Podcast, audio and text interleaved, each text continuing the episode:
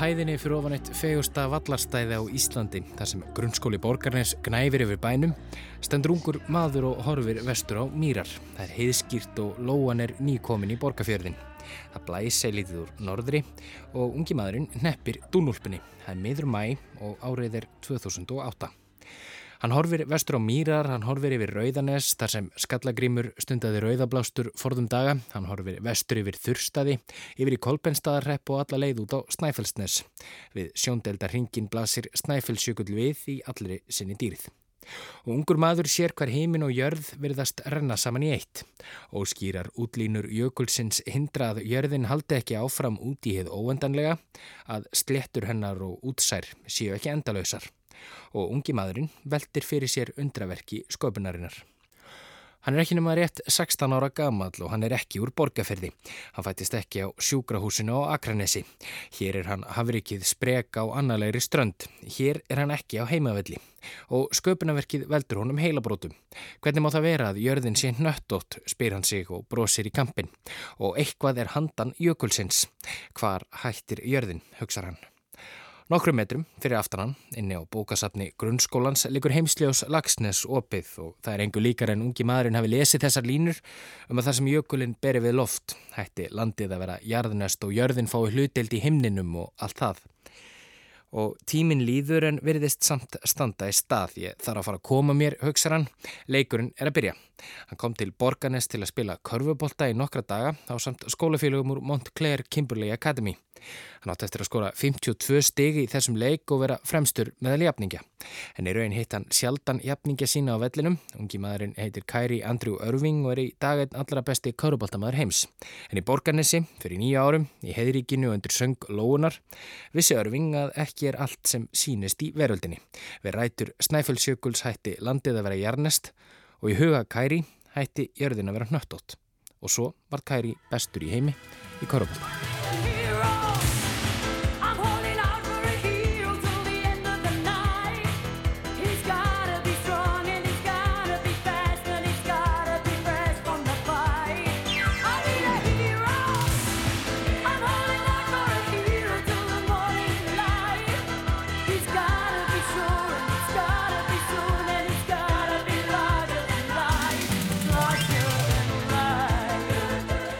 Góðan dag, góðan dag, góðan dag eða gott kvöld. Ég veit ekki hvenar eða hvar þú ert að hlusta, kæri hlustandi, í línulegri dagskrá rásar eitt eða í hlaðvarpsappinu í símanum þínum, hvort hjá þér sé nótt eða dagur. En ég veit fyrir víst að þú ert að hlusta á fyrsta þáttin af átta í þáttaröðinni Markmanns Hanskarnir hans Albert Camus. Í þessum þáttum verður fjallað um reyfiablið í veröldinni, það sem bæði saminar og sundrar þjóðum og þjóðfélagshópum,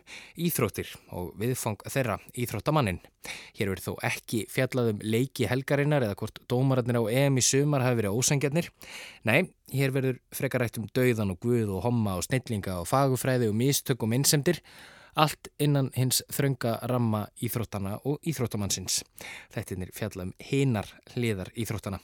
Og þær sem kannski minna er talað um, en eru þó ekki síður áhugaverðar.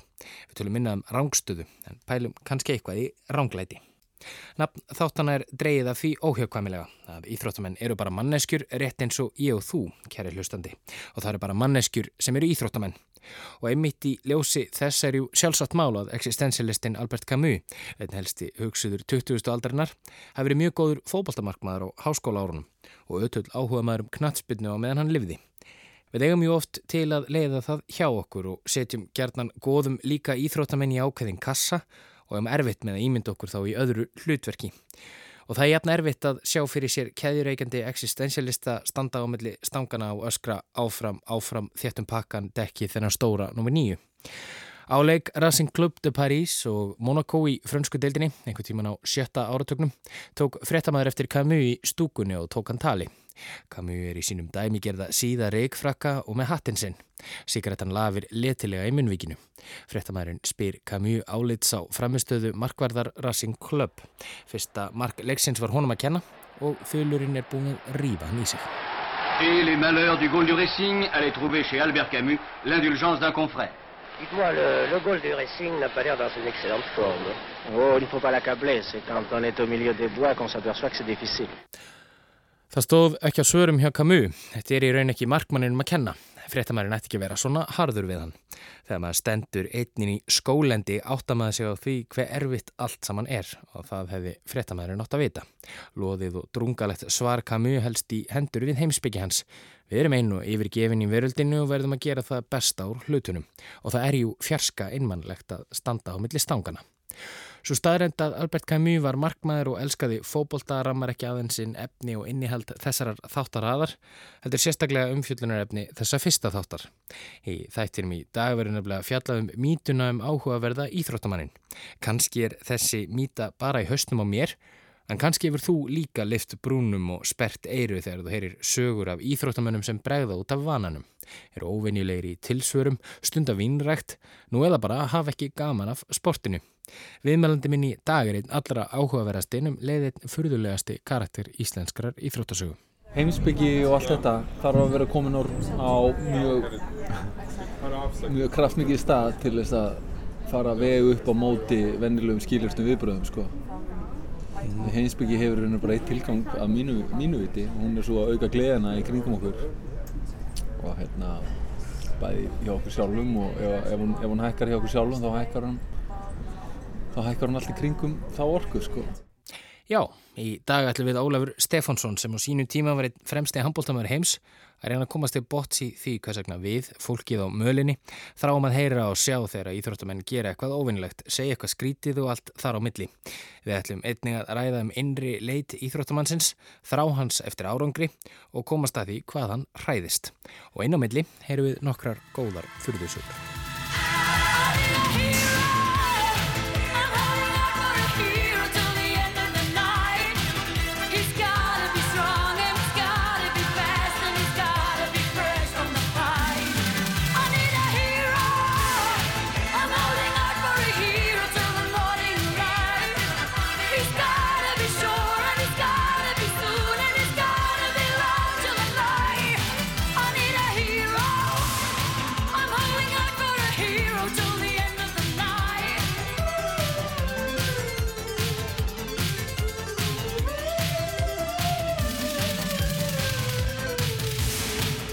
Í upphafi þessa þáttar hvarf ég aftur til æskuslóðuna í Borgafyrði og setti mér í spór hins þá 16 ára gamla Kæri Örving. Ég get ekki fullvisað ykkur um að þessi atbörðarás hafi átt sér stað með nákvæmlega þeim hætti sem ég ímyndaði mér. En ég get fullirt að þessi stórkostlegi korfbaltamæður hefur vissulega spilað í gamla íþróttúsinu í Borganissi, fjósinu eins og heimamenn kalla það. Hann var aðeins 16 ára og eins og framkom í upphafi þáttarins í æfingaferði í Borgaferðinu, eins fáránlega og það kann að hljóma. Þessi þá ungi drengur er nú stálpaður karlmaður og er að hefja sitt sjöunda keppnistímabil í NBA-deildinni. Hann þykir einn besti leikstjórnandi í heimi. Here comes Irving. Drives on Thompson. Irving spins. Puts up the shot. It's good! Kyrie Irving with 3.4 remaining. And the Warriors call timeout. Irving does it again. En eins og ég leiði mér að færa í stílinn áðan þá var ímislegt í fari Kæri sem greinir hann frá stereotypunni, veikur eftirtækt utanvallar. Hann þykir mikill pælari og hefur gaman að lestri góra bóka og hefur verið uppnefndur prófessorinn af liðsfélögum sínum. Í hlaðarps þættinum Road Trippin, sem á íslensku geti útlegst sem áferðalagi, sem fyrrum liðsfélagar Kæris í Cleveland Cavaliers þegar Channing Frye og Richard Jefferson halda úti, var Kæri tíður gestur á síðasta ári. Ferðalag NBA-leikmanna eru mikil og því gest mikil frítífi og hví ekki að nýta hann í að gera gott útvarp og ræða um stórumálin, mörg þúsund metra yfir sjáamáli í flugvilinni á leið í næsta leik. Og það var það sem þeir gerðu í februar síðastlinum. Eftir að hafa rætt um kvikmyndir þar sem geimverur koma fyrir segist Kæri ekki verið nokkrum vafa um að líf finnist á öðrum nöttum. Gott og vel, hann er sannlega ekki einnum þá skoðun, en þá sjá félagar hans leika á borði og spyrja hann hvort jörðin sé flött eða hnöttótt. Með í samverðan með Ali Clifton sem er fréttareitari liðsins.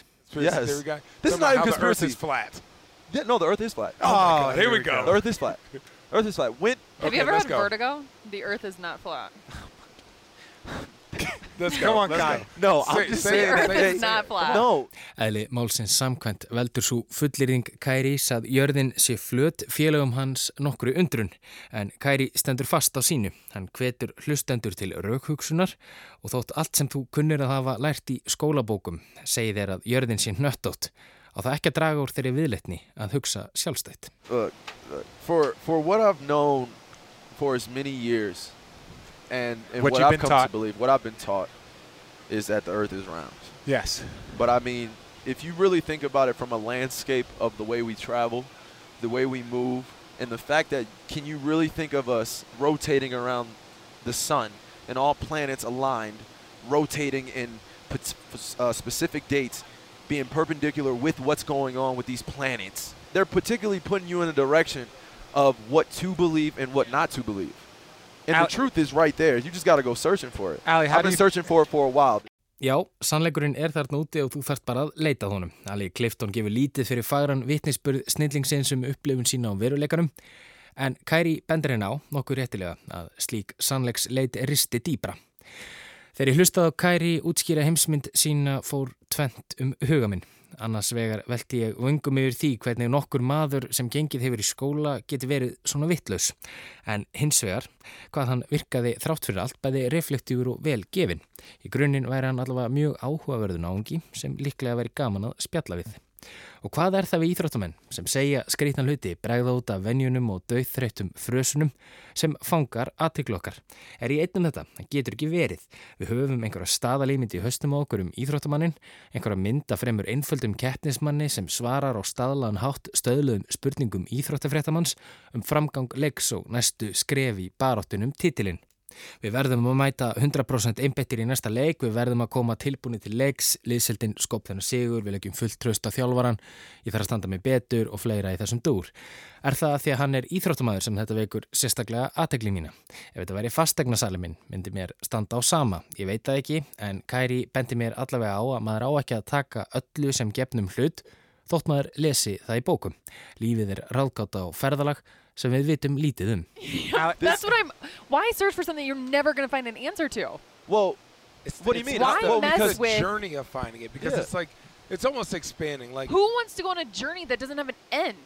uh, this is I- I- called life. what do you mean? Já, lífið er ferðalag sem við vitum ekkert hvert tekur okkur eða hvernig endar. Það getur við lært af Kæri Örving. Annað dæmi um íþróttamann sem breður út á varanum og ætti nú að geta kent okkur eitt eða annað um heiminn er Ólaf Stefánsson sem er einmitt á leiðinni að hitta núna. Ólafur var á sínum tíma besti handbóltamæður í heimi en líklega er óhætt að segja að hann sé einn allra mestar ágáta íslenskrar íþróttasögu. Ég mælti mér mót við Ólaf hérna við stittun af skúla fóketa í miðbæri Reykjavíkur og við ætlum að reyna að komast til botts í þessum vangaveltum. Ég er líka óþreyfullur að vita hvort Óli sé jafn áhugaverður maður og afir látið. Er hann kannski bara tálsín? Eru ég og aðri landsmenn kannski bara búin að búa til mynd af Óla sem á ekki við neyn rökað styðjast. Blessaður. Sæl, Guðmundur. Blessaður. Óli. Sæl. Er þetta bara svona low profile bara við tveir? Mjög svo. Easy peasy. Mjög svo. Vel gert, sko. Ekkert, ekki hátt production á þessu. sko. Nei. Hvernig viltu hafa þetta? Ég, Gott sjá þig. Sumulegis, ég hérna, ég veit ekki, ég hef ekki bara hótt kaffi eða getur ekki bara setið hérna úti. Algjörlega. Þetta er ekki eitthvað. Sitja bara hérna. Geta það. Það er bara yndislegt. Við Óli tillum okkur á bekk út í sólinni, ég með kaffi og hann með sótavatn og havraköku. Áður en við heldum lengra ákveði að spyrja Óla út í fóstur afa hans, dr. Þóri Káir Þórðarsson, prófessor í Gamla testamentisfræði við Háskóla Íslands. Ég vissi að Óli varði miklum tíma með honum sem barn og mér legg forvitna á að vita hvort það mótaði hugsun hans á síðari árum. Alveg bort, sko. Algjörlega. Með þetta og með þetta. Og hann hafa aldrei verið eitthvað í að því. Bara það vera alltaf í kringum þessa guðfræðinga kíkja á skrifstofan hans og sjá hvernig það er og allt svona. Samt fór ég nú í læknisfræði, sko, eins og pappi. Nú droppaði út í því. Og skildi kannski engan undra en það var snemma ljóst að Óli var einn efnilegasti handbóltamæður í Evrópu og hjælt hann út í atvinnumennsku árið 1996 þá 23 ára að aldri. En þekkingarleitin hvarf ekki og meðfram því að þennja net Moskva andstæðingana skráði Ólis í fjarnám og nældi sér í gráði heimsbyggja meðan á ferlinum stóð. Ég spyr hann hvort hann telji svo að einhvers konar vangaveltur um tilgang, tíma og rúm og dýbri merkingu alheimsins og fleira sem maður kann að lesa í heimsbyggi bókum geta á einhvern hátt hjálpað íþróttumanninum á sínum ferli. Nei, við skulum bara byrjum aðeins á, á byrjun. Uh, veit, við erum að tala um íþróttir sem slíkar og þá heimsbyggi. Svona, notum þessi hugtök bara svona til málumvelunar. Mhm. uh, þetta er svona, því að þessu sama, þá er það þetta og við erum að pæla, getur þetta coexistað, hvernig hjálpar þetta hvora öðru eitthvað svona þú veist, þegar við séum heimsbyggi þá, veist, æ veist, það þarf þetta allt og Já, ok, þú veist, það endar Ég sé bara vítt hugtak yfir einhvers konar svona pælingar þetta er bara, þú veist, ef þú ætlar að búa til apple pie from scratch eins og þú veist, þá þarf þetta búa til alheiminn Mhm. skilur við sama álega við um að reyna að tala um þessu hugtök sko. að þurfum þetta er endalast þráður sko, á hugtökum að en við getum alltaf reynda að einfalda það en um leið að við einfaldum það þá förum við í burtu frá sannleikanum sko. Ég er varlega búin að taka fyrsta sopan af kaffinu en strax farin að átta mig á því að þetta verður langt spjall hjá okkur. Ég er ekki að fara að fá svarkvít svör frá Ólafi Stefánsinni, einhver ódýr já eða nei. En það er fínt, Óli sér stærri myndina, íþróttumæðurinn þarf að takast á við hinnar og þessar aðstæður, bæði innan og utanvallar. Og það geti hjálpað honum að hugsa út fyrir kassan. Ok, akkur tökum við ekki bara akkur tökum við ekki bara ultimate og segjum bara hvernig var það fyrir íþróttamannin ef hann held að hann væri guð.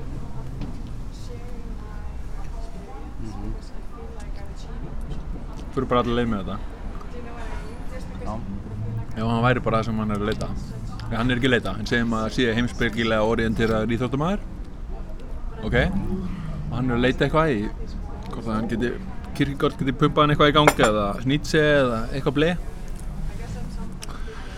Ok, og hann er bara nógu klikkaður til þess að bara láta sér detta þegar upp býtu, já, býtu, hvað gæti peppa mig upp já, ég ætla bara ég ætla bara að ímynda mér þessi guð að það er það sem ég er að leita, eða ekki? Er ég ekki að leita því?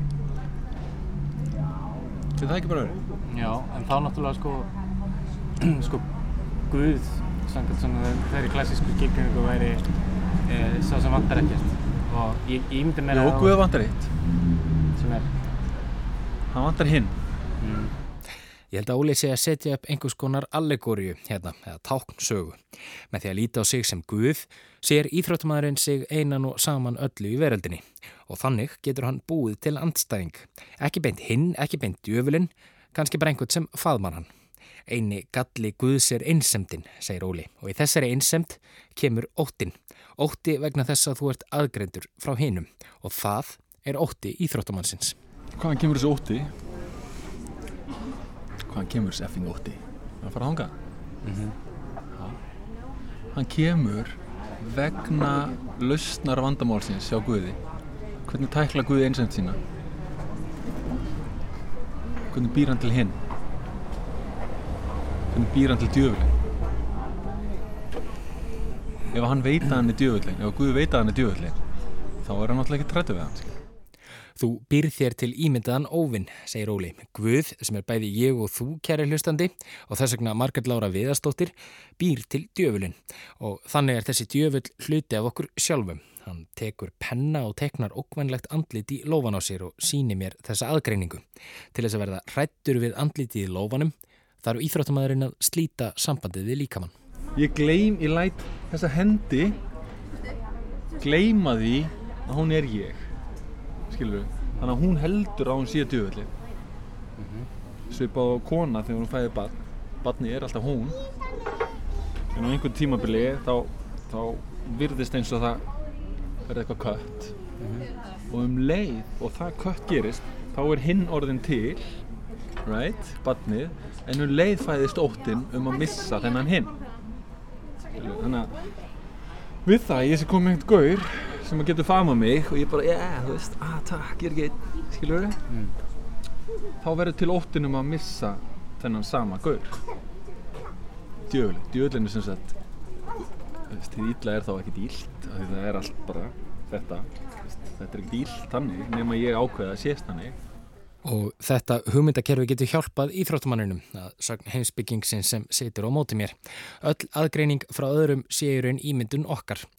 Við erum öll hluti af einu og hinnu sama og með því að vera meðvituð um þessa ímyndun er ekki til neins að vera hrættur við andstæðingin. Hví að óttast markmannin þegar hann er í raun ég, hver er að tapa þegar allir er að tapa og hvaða máli skiptir sigur þegar allir vinna.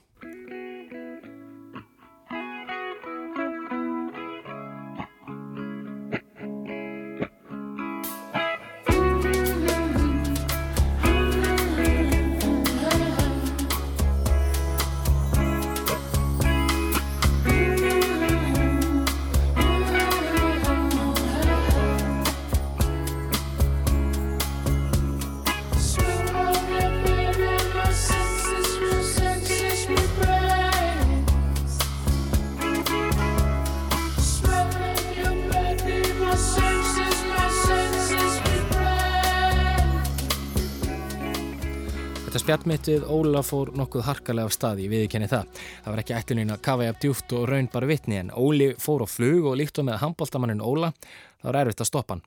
Og það skal tekið fram að Óli var harsvíraður keppnismæður sem þóldi ekki að tapa. En það var allt saman innan ramma leiksins, öllu er jú afmörkuð stund og allt hefur sinn tíma. Að gleðjast og gráta og vinna og tapa og allt það. Og það að vera meðvitaður um að markmaðurinn í heinuliðinu er í raun jafn ómerkileg mannfíla og þú sjálfur eða jafn óendanlega mikilvæg og dýrmætt sköpun þýðir ekki að maður vilja ekki vinna handbóltaleikin. Þetta er ju einu sinni leikur.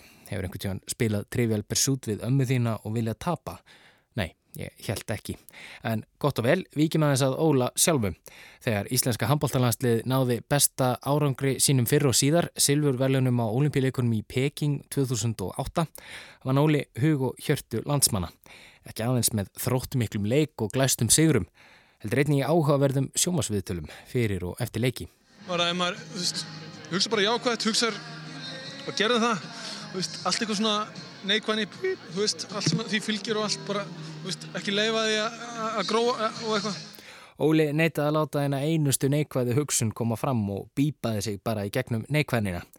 Þetta var eitthvað nýtt fyrir mér og ég hugsaði að nú hefði Óli endanlega farið með það. Hvað átti þetta að þýða? Það var aðalega kannski secret pælingin. Veist, þú heimildamind og allt það sem að var að pumpi mann hana frá 2006 eða fyrr.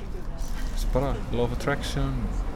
Þú ert, þú veist, þú ónar allt sem að, þú, veist, þú ert allt. Þetta er allt huglaðu veruleiki, þú drefur þetta allt að þér. Þetta ábyrða öllu sem gerist. Öllu effing shitinu, sko. Og, og gleðinni og öllu. Þetta bara ábyrða þessu öllu. Og hérna, og reynda að draga þér, veist, herra frequency, herra vibe skilur, íttu frá þér slæma veipinu strax að þetta er allt þú skilur staldra er ekki við. þú nei, bara já, byrja að sensa hvað, gefur, hvað veitir þér gleði og sensa það, hvað veitir þér gleði og vitandi það að þegar þú ert gladur þá, þá dreifur þú gleði í kringu þig sko. og þú ert ekki ábyrður eftir þú ert búin að, eins og bara handbólta líkinga af fókbalta, þú ert búin að senda sendinguna hvort sem hún er först eða laus eða eitthvað þá er það bara háð hæfileika leikumann sem tekur við sendingunni að gera best úr henni sko. Mhm. Skilur við þú sendir þá sendingu sem að þú getur sendt og veist að þú ert alltaf að gera þetta besta máli dögt sko og sama hátt þú veist, sama hátt lífið sko Ég viðkenni fúslega á bíp tímabilin hans Óla, hugsaði ég að nú væri hann að færa í stílinn. Nú væri hann bara að bulla og mögulega að leitast eftir einhvers konar aðtegli. Það var þó aldrei raunin. Nei, ég, nei, ég myndi, nei, ég myndi bara, ég get alveg sagt það sko ég, veist, alltaf verið aldrei eiginlega aldrei náð því sko. Því ég bara er það einfaldur sko. Að ég hef aldrei náð að búa til einhvers konar tvöfaldar game sko, viljandi. Þar sem að ég hef verið að spila með eitthvað eða spila einhverja típu eða eitthvað svona. Ég viðkynni samt á móti ég hef sagt, sagt, sagt alveg fullt af alls konar hlutum sem að ég svona eftir á þess að maður hugsa betur, shit, djúl, var þessi típa eitthvað arrogant og vitlaus og eitthvað svona skilur þú veist í þessu, veist, og það var hluti kannski þessu stíi, skilur, það sem mann þótti þótti sko þessi leit og þessar bókmyndir og, og heimsbyggi eitthvað eins og það væri eitthvað, þú veist merkilegar en annað, sko.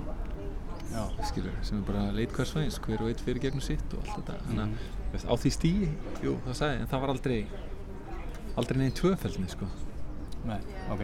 og ef það hefði verið tvöfældni þá hefði það verið einfældni í þeirri tvöfældni, sko, eða þú veist Já, maður getur aldrei gert annað en sem maður gerir, sko En það er ekki þar með sagt að allir í kringum hann, þá sérstaklega liðsfélagarnir, hafa alltaf tengt við pælingar Óla og hvernig hann nálgæðist veruleikan.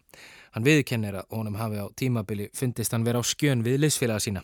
Einhvers konar útlendingur kannski, eins og Mersó í samnendri skaldsögu Markmannsins Camus. Já, það er náttúrulega ákveð tímabil sem held ég allir svona sem að leggja í það að grúska hans í heimsbyggju og einhverju svona held ég fara alltaf í gegnum svona ákveð introvert stig. Þar sem finnast enginn skilja þá og eitthvað svona, margir á að lendi þeirri grifi sko. Og fundist þeir eitthvað merkilegri en aðrir við það að vera að pæla í einhverjum hlutum sko.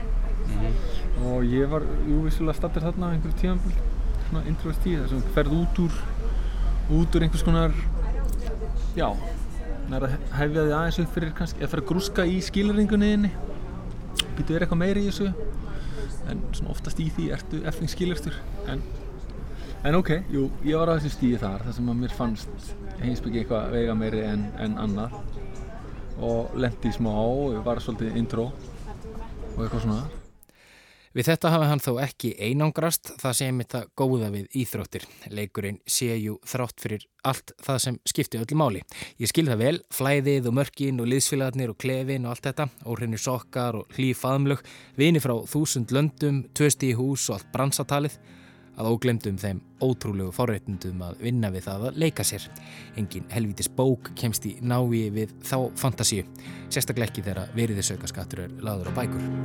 Lady left me here underneath this old oak tree. She made me a bed of roots and leaves. With a trembling voice, she sung me to sleep. Said, Dream, dream, dream, dream, sweet dreams. En hvernig skildi standa því að við heillumst af eða löðumst að íþróttamönnum sem stíga svona rækilega út fyrir kassan? Af hverju held ég að það sé skemmtilegra að fara og fá sér ís með Óla Steffen Gilva Sigursinni, okkar besta knaspinnumanni? Ég hef séð þrjá sjónvastætti það sem fariður í heimsók til Gilva í Þýskalandi, í Lundunum og Wales en enginn þeirra vakti sérstaklega löngun í mér til að vilja kynnast Gilva og það er ekkert við Gilva að sakast, hann er örgulega engan áhuga á að kynnast mér. Mér fannst ég allavega ekkert kynnast honum í þessum þáttum. Ég sá ekkert hliðar narratív í honum, en kannski er það þarna, en hann er bara ekkert að flagga því. Kannski á hann gríðastort frímerkjasapn eða yrkir sléttubönd með morgunkaffinu. Hver veit, en allavega, það er eitthvað við þetta hliðar narratív íþróttamannsins að gera eitthvað skrítið og segja eitthvað skrítið sem fangar okkur og þá leikur jú beinast við að spyrja stórsöguna, stærsta liðarnarratív íslenskrar íþróttasögu, hver rótin sé af þessari hrefningu. Dream, dream, dream, dream, sweet dreams. Við erum að leita perlunni, við erum að leita einhvers konar, við erum að leita einhverju superhero, við erum að leita einhverju svona, einhverju home, við erum að leita, þetta á sér miljónir af byrtingamyndum í ævintýrum, góðsögum, í öllu og íþróttamæðurinn er eitt, skiljum, við erum að leita að einhverju sem við getum fundið okkar home í, sko, fundið okkar sjálf, fundið eitthvað, eitthvað stærra. Já, það getur vel verið. Hugum minn leita til knaspinnumannsins Andrea Pirlo í þessu samhengi. Pirlo er ítalskur aukaspinnum sérfræðingur með sítt og silkimjúkt hár á sína eigin vínegru og stjórnar heilu og hálfu landsliðunum á þess að svitna. Titill æfisögu hans, Ég hugsa þess vegna spila ég, sem var gefin út fyrir tveimur árum, hefur beina skýrskotun í orð franska heimsbyggingsins René Descartes. Ég hugsa þess vegna er ég. Ok, það er eitthvað og innihaldið er enn betra. Á einum stað í bókinni talar Pirlo um samskipti sín við Pep Guardiola, þáverandi þjálfara Barcelona, en Guardiola átti þann draum að fá Pirlo til Katalóniuleðsins. Það var það ekki, en samskipti þeirra sátu í Pirlo, sem lísti Guardiola sem miklum hugsuði. Að vera heimsbyggingur er að hugsa, leita viskunar og hafa í heiðri gildi sem stjórna því sem þú gerir og hafa áhrif á það. Að vera heimsbyggingur er að finna merkingu og tilgang í hlutunum, finna sína leið í veröldinni og trúa því að, að endingu og á hverju augnabliki muni hitt góða sigra hitt illa, jáfnvel þó leiðin sé þyrnum stráð og full af þjáningu. Af hverju finnst mér þetta svona eðislegt? Af hverju tengi ég svona stert við þetta og hef meiri áhuga og er meiri stuðningsmaður Pirlo fyrir vikið? Óli segir rótin að finna í minni eigin sjálfsleit. Ég hafi áhuga á fókbalta og líka kannski einhverju sófaheimsbyggi. Ég bý til aðgreininguna. Rétt eins og Guð gerir við höndina á sér. Aðgreiningin á sér stað, hún er nöðsynleg. Hún er nöðsynleg til að counterakta einmannaleika þinn. Skilur Til þess að, hérna, til þess að hafa eitthvað að gera, til þess að geta skapað, þá þarftu, þarf byrtingamindir, skilur uh, hafið einhvern veginn, skilur þú, við erum, við þurfum, skjárin þarf pixla til að eitthvað veri til. En þó að pixlarnir hverfi, skilur, og pixlarnir geta verið að fæta hérna alls konar á skjánum, en þó að slökna sjónvarpinu þá er alltaf sjónvarpi til staðar, sko. Það, var aldrei neitt til og það dó aldrei neitt, skilur skilur á sama hátt hver pixel sem er að hver pixel sem er að berjast og leita á eitthvað er að draga allt að sér hver pixel er alheimur í sjálfu sér af því hann er á endanum er hann bara þessi skjár þú ert að toga allt til þín kæri vinur, kæri gummi skilur og þú ert magnetina á allt. Og öll leitin miðar að því að komast aftur í sorsið sem að þú sjálfur ert og þá fattar að þú ert tengdur öllu að þú og silfurinnurinn er eitt og því sam skilur allt senið, allir súfismin allir buddhismin, allir indjánarnir að þeir eru, veist, þeir eru búin að fatta þetta. Við erum öll eitt, málega dött. Emitt, ég sé sjálfan mig í Pirlo, ég sé hann í mér. Óli segir að þannig sé Pirlo og hans heimsbyggilegu vangaveltur, aukarspillunar, vinnræktinn og þokkafullur líkamspörður ekkert nema ljós og möguleikar í mínum augum. Og það er ég sem umbreyti ljósinu og möguleikanum. Óli notar myndmálið óspart og verður tíðrætt um Silfurreinin, elsta tre Reykjavíkur sem er við hliðina okkur. Snákurinn greinir Silfurreinin öðruvísi en ég og þú, segir hann. Og það er rétt. En þegar við svo hittum þessar hetjur í raunveruleikanum, hvað gerist þá? Verði ekki draumar okkar að engu? Hvernig væri að hitta Pirlo? Nú er það bara Steven Gerrard sem var mitt helsta átrúnaðagóð. Hvað ef að Steven Gerrard er síðan bara hundleðilegur og óáhugaverður? Að hverju er ég að leita þegar ég hitti Gerrard? Þetta eru tvær langanir sem að, sem að rekast þarna á þegar þú hittist í Gerrard á hvað aldrei sem það ert. Önnur er skýlirt sem er þá búið að presentera einhverja vöndun í því og eins og þið vant eitthvað og þér finnst Steve Gerrard kannski, þú veist, bara uppfylla það og peppa og gaman og getur tekið myndir að það með honum og sínt á að vera hitta hann og alls svona eitthvað. Og síðan er það hitt sem er hinn raunverulega löngun sem er það að Steven Gerrard representerar eitthvað eitthvað starra í þér, eitthvað sem þú átt möguleika á. Og það er þessi perla og þessi löngun sem að er í okkur öllum vegna þess að þessi rödd hjartans er í okkur öllum. Það er hún sem er að tala þessi hér er alltaf með hjarta og hjartað er býtu, það er eitthvað meiri í þessu fyrir mig sko. ég er eitthvað starri en allt þetta. Það er eitthvað. Og að, Steven Gerrard er bara eins og eitt æfintýri Steven Gerrard er nútíma Legolas sem líka getur gefið mér eitthvað. Nútíma Gandalfur nútíma Moana í Disney nútíma Mulan skilur við nútíma segja, Hermes nútíma heimdallur allt þetta, við erum að leita veist, að öllum þessum annarkvæmt er þetta bridgekeeperar eða þetta er einhverjir jótas, jótar veist, það er allir með. Þetta, þetta eru við, þetta eru ævintýrin eru besta byrtingamyndin af af bridgeinu á milli hér og hérna inn. Þetta eru leiðsögumennir og þetta eru gætarnir. Jésu var einn af þeim skilur bútið einn af þeim en það er alveg hægt að finna það sama í Gerrard Og kannski er þá einmitt best að hitta þessa gauðra aldrei. Kannski er best að halda þeim í fantasíunni. Dreima um að geta átt með þeim gæðastundir, gæðastundir sem við vitum að eru samt ekkert nema minn hugarburður.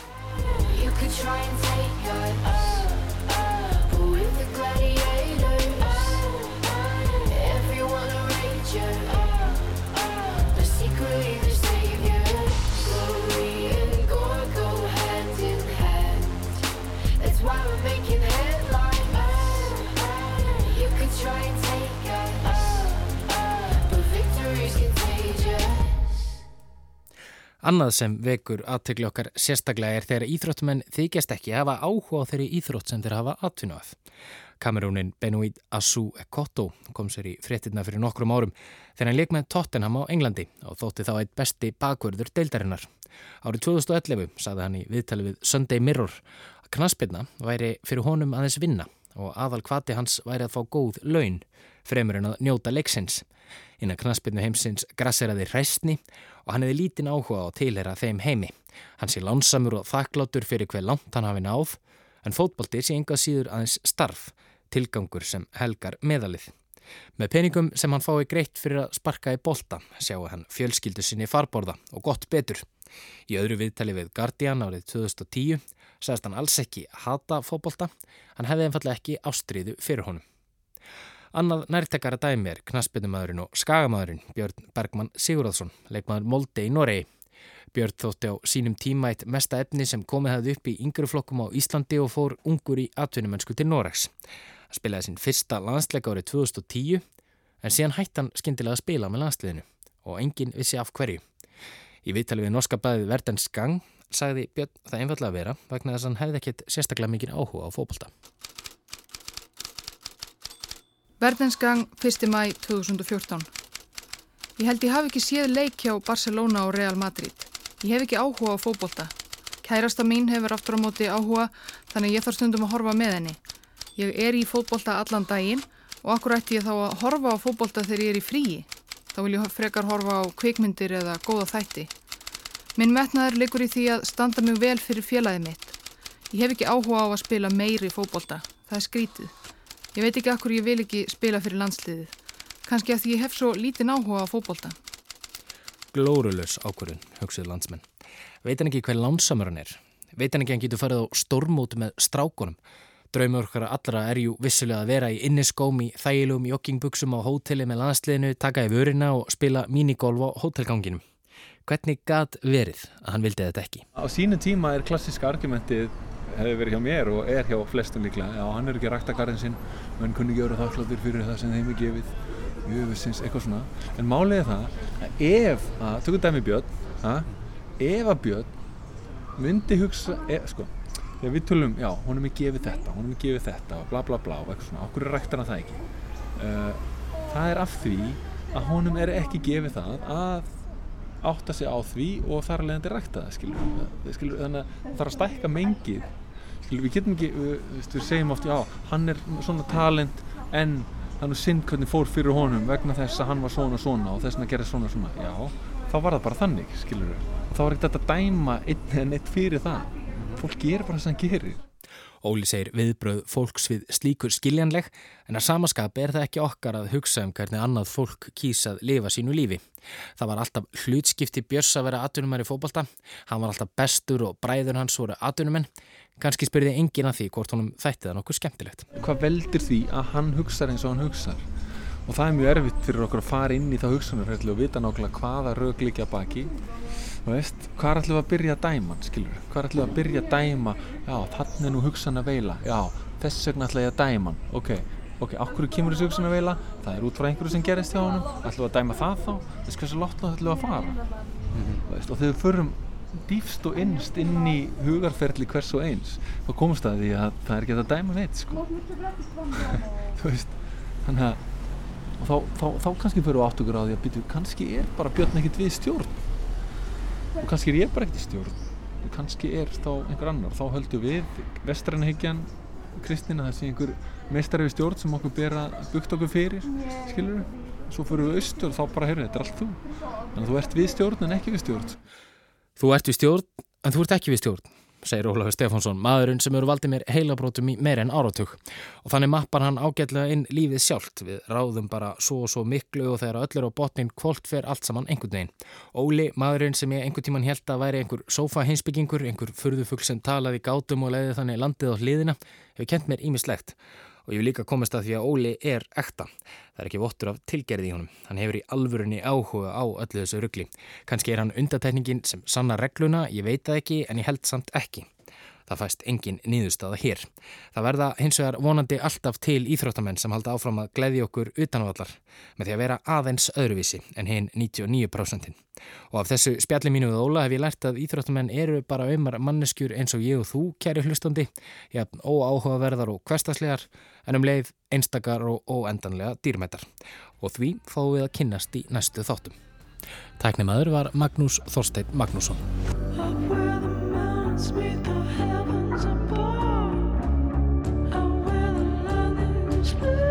是谁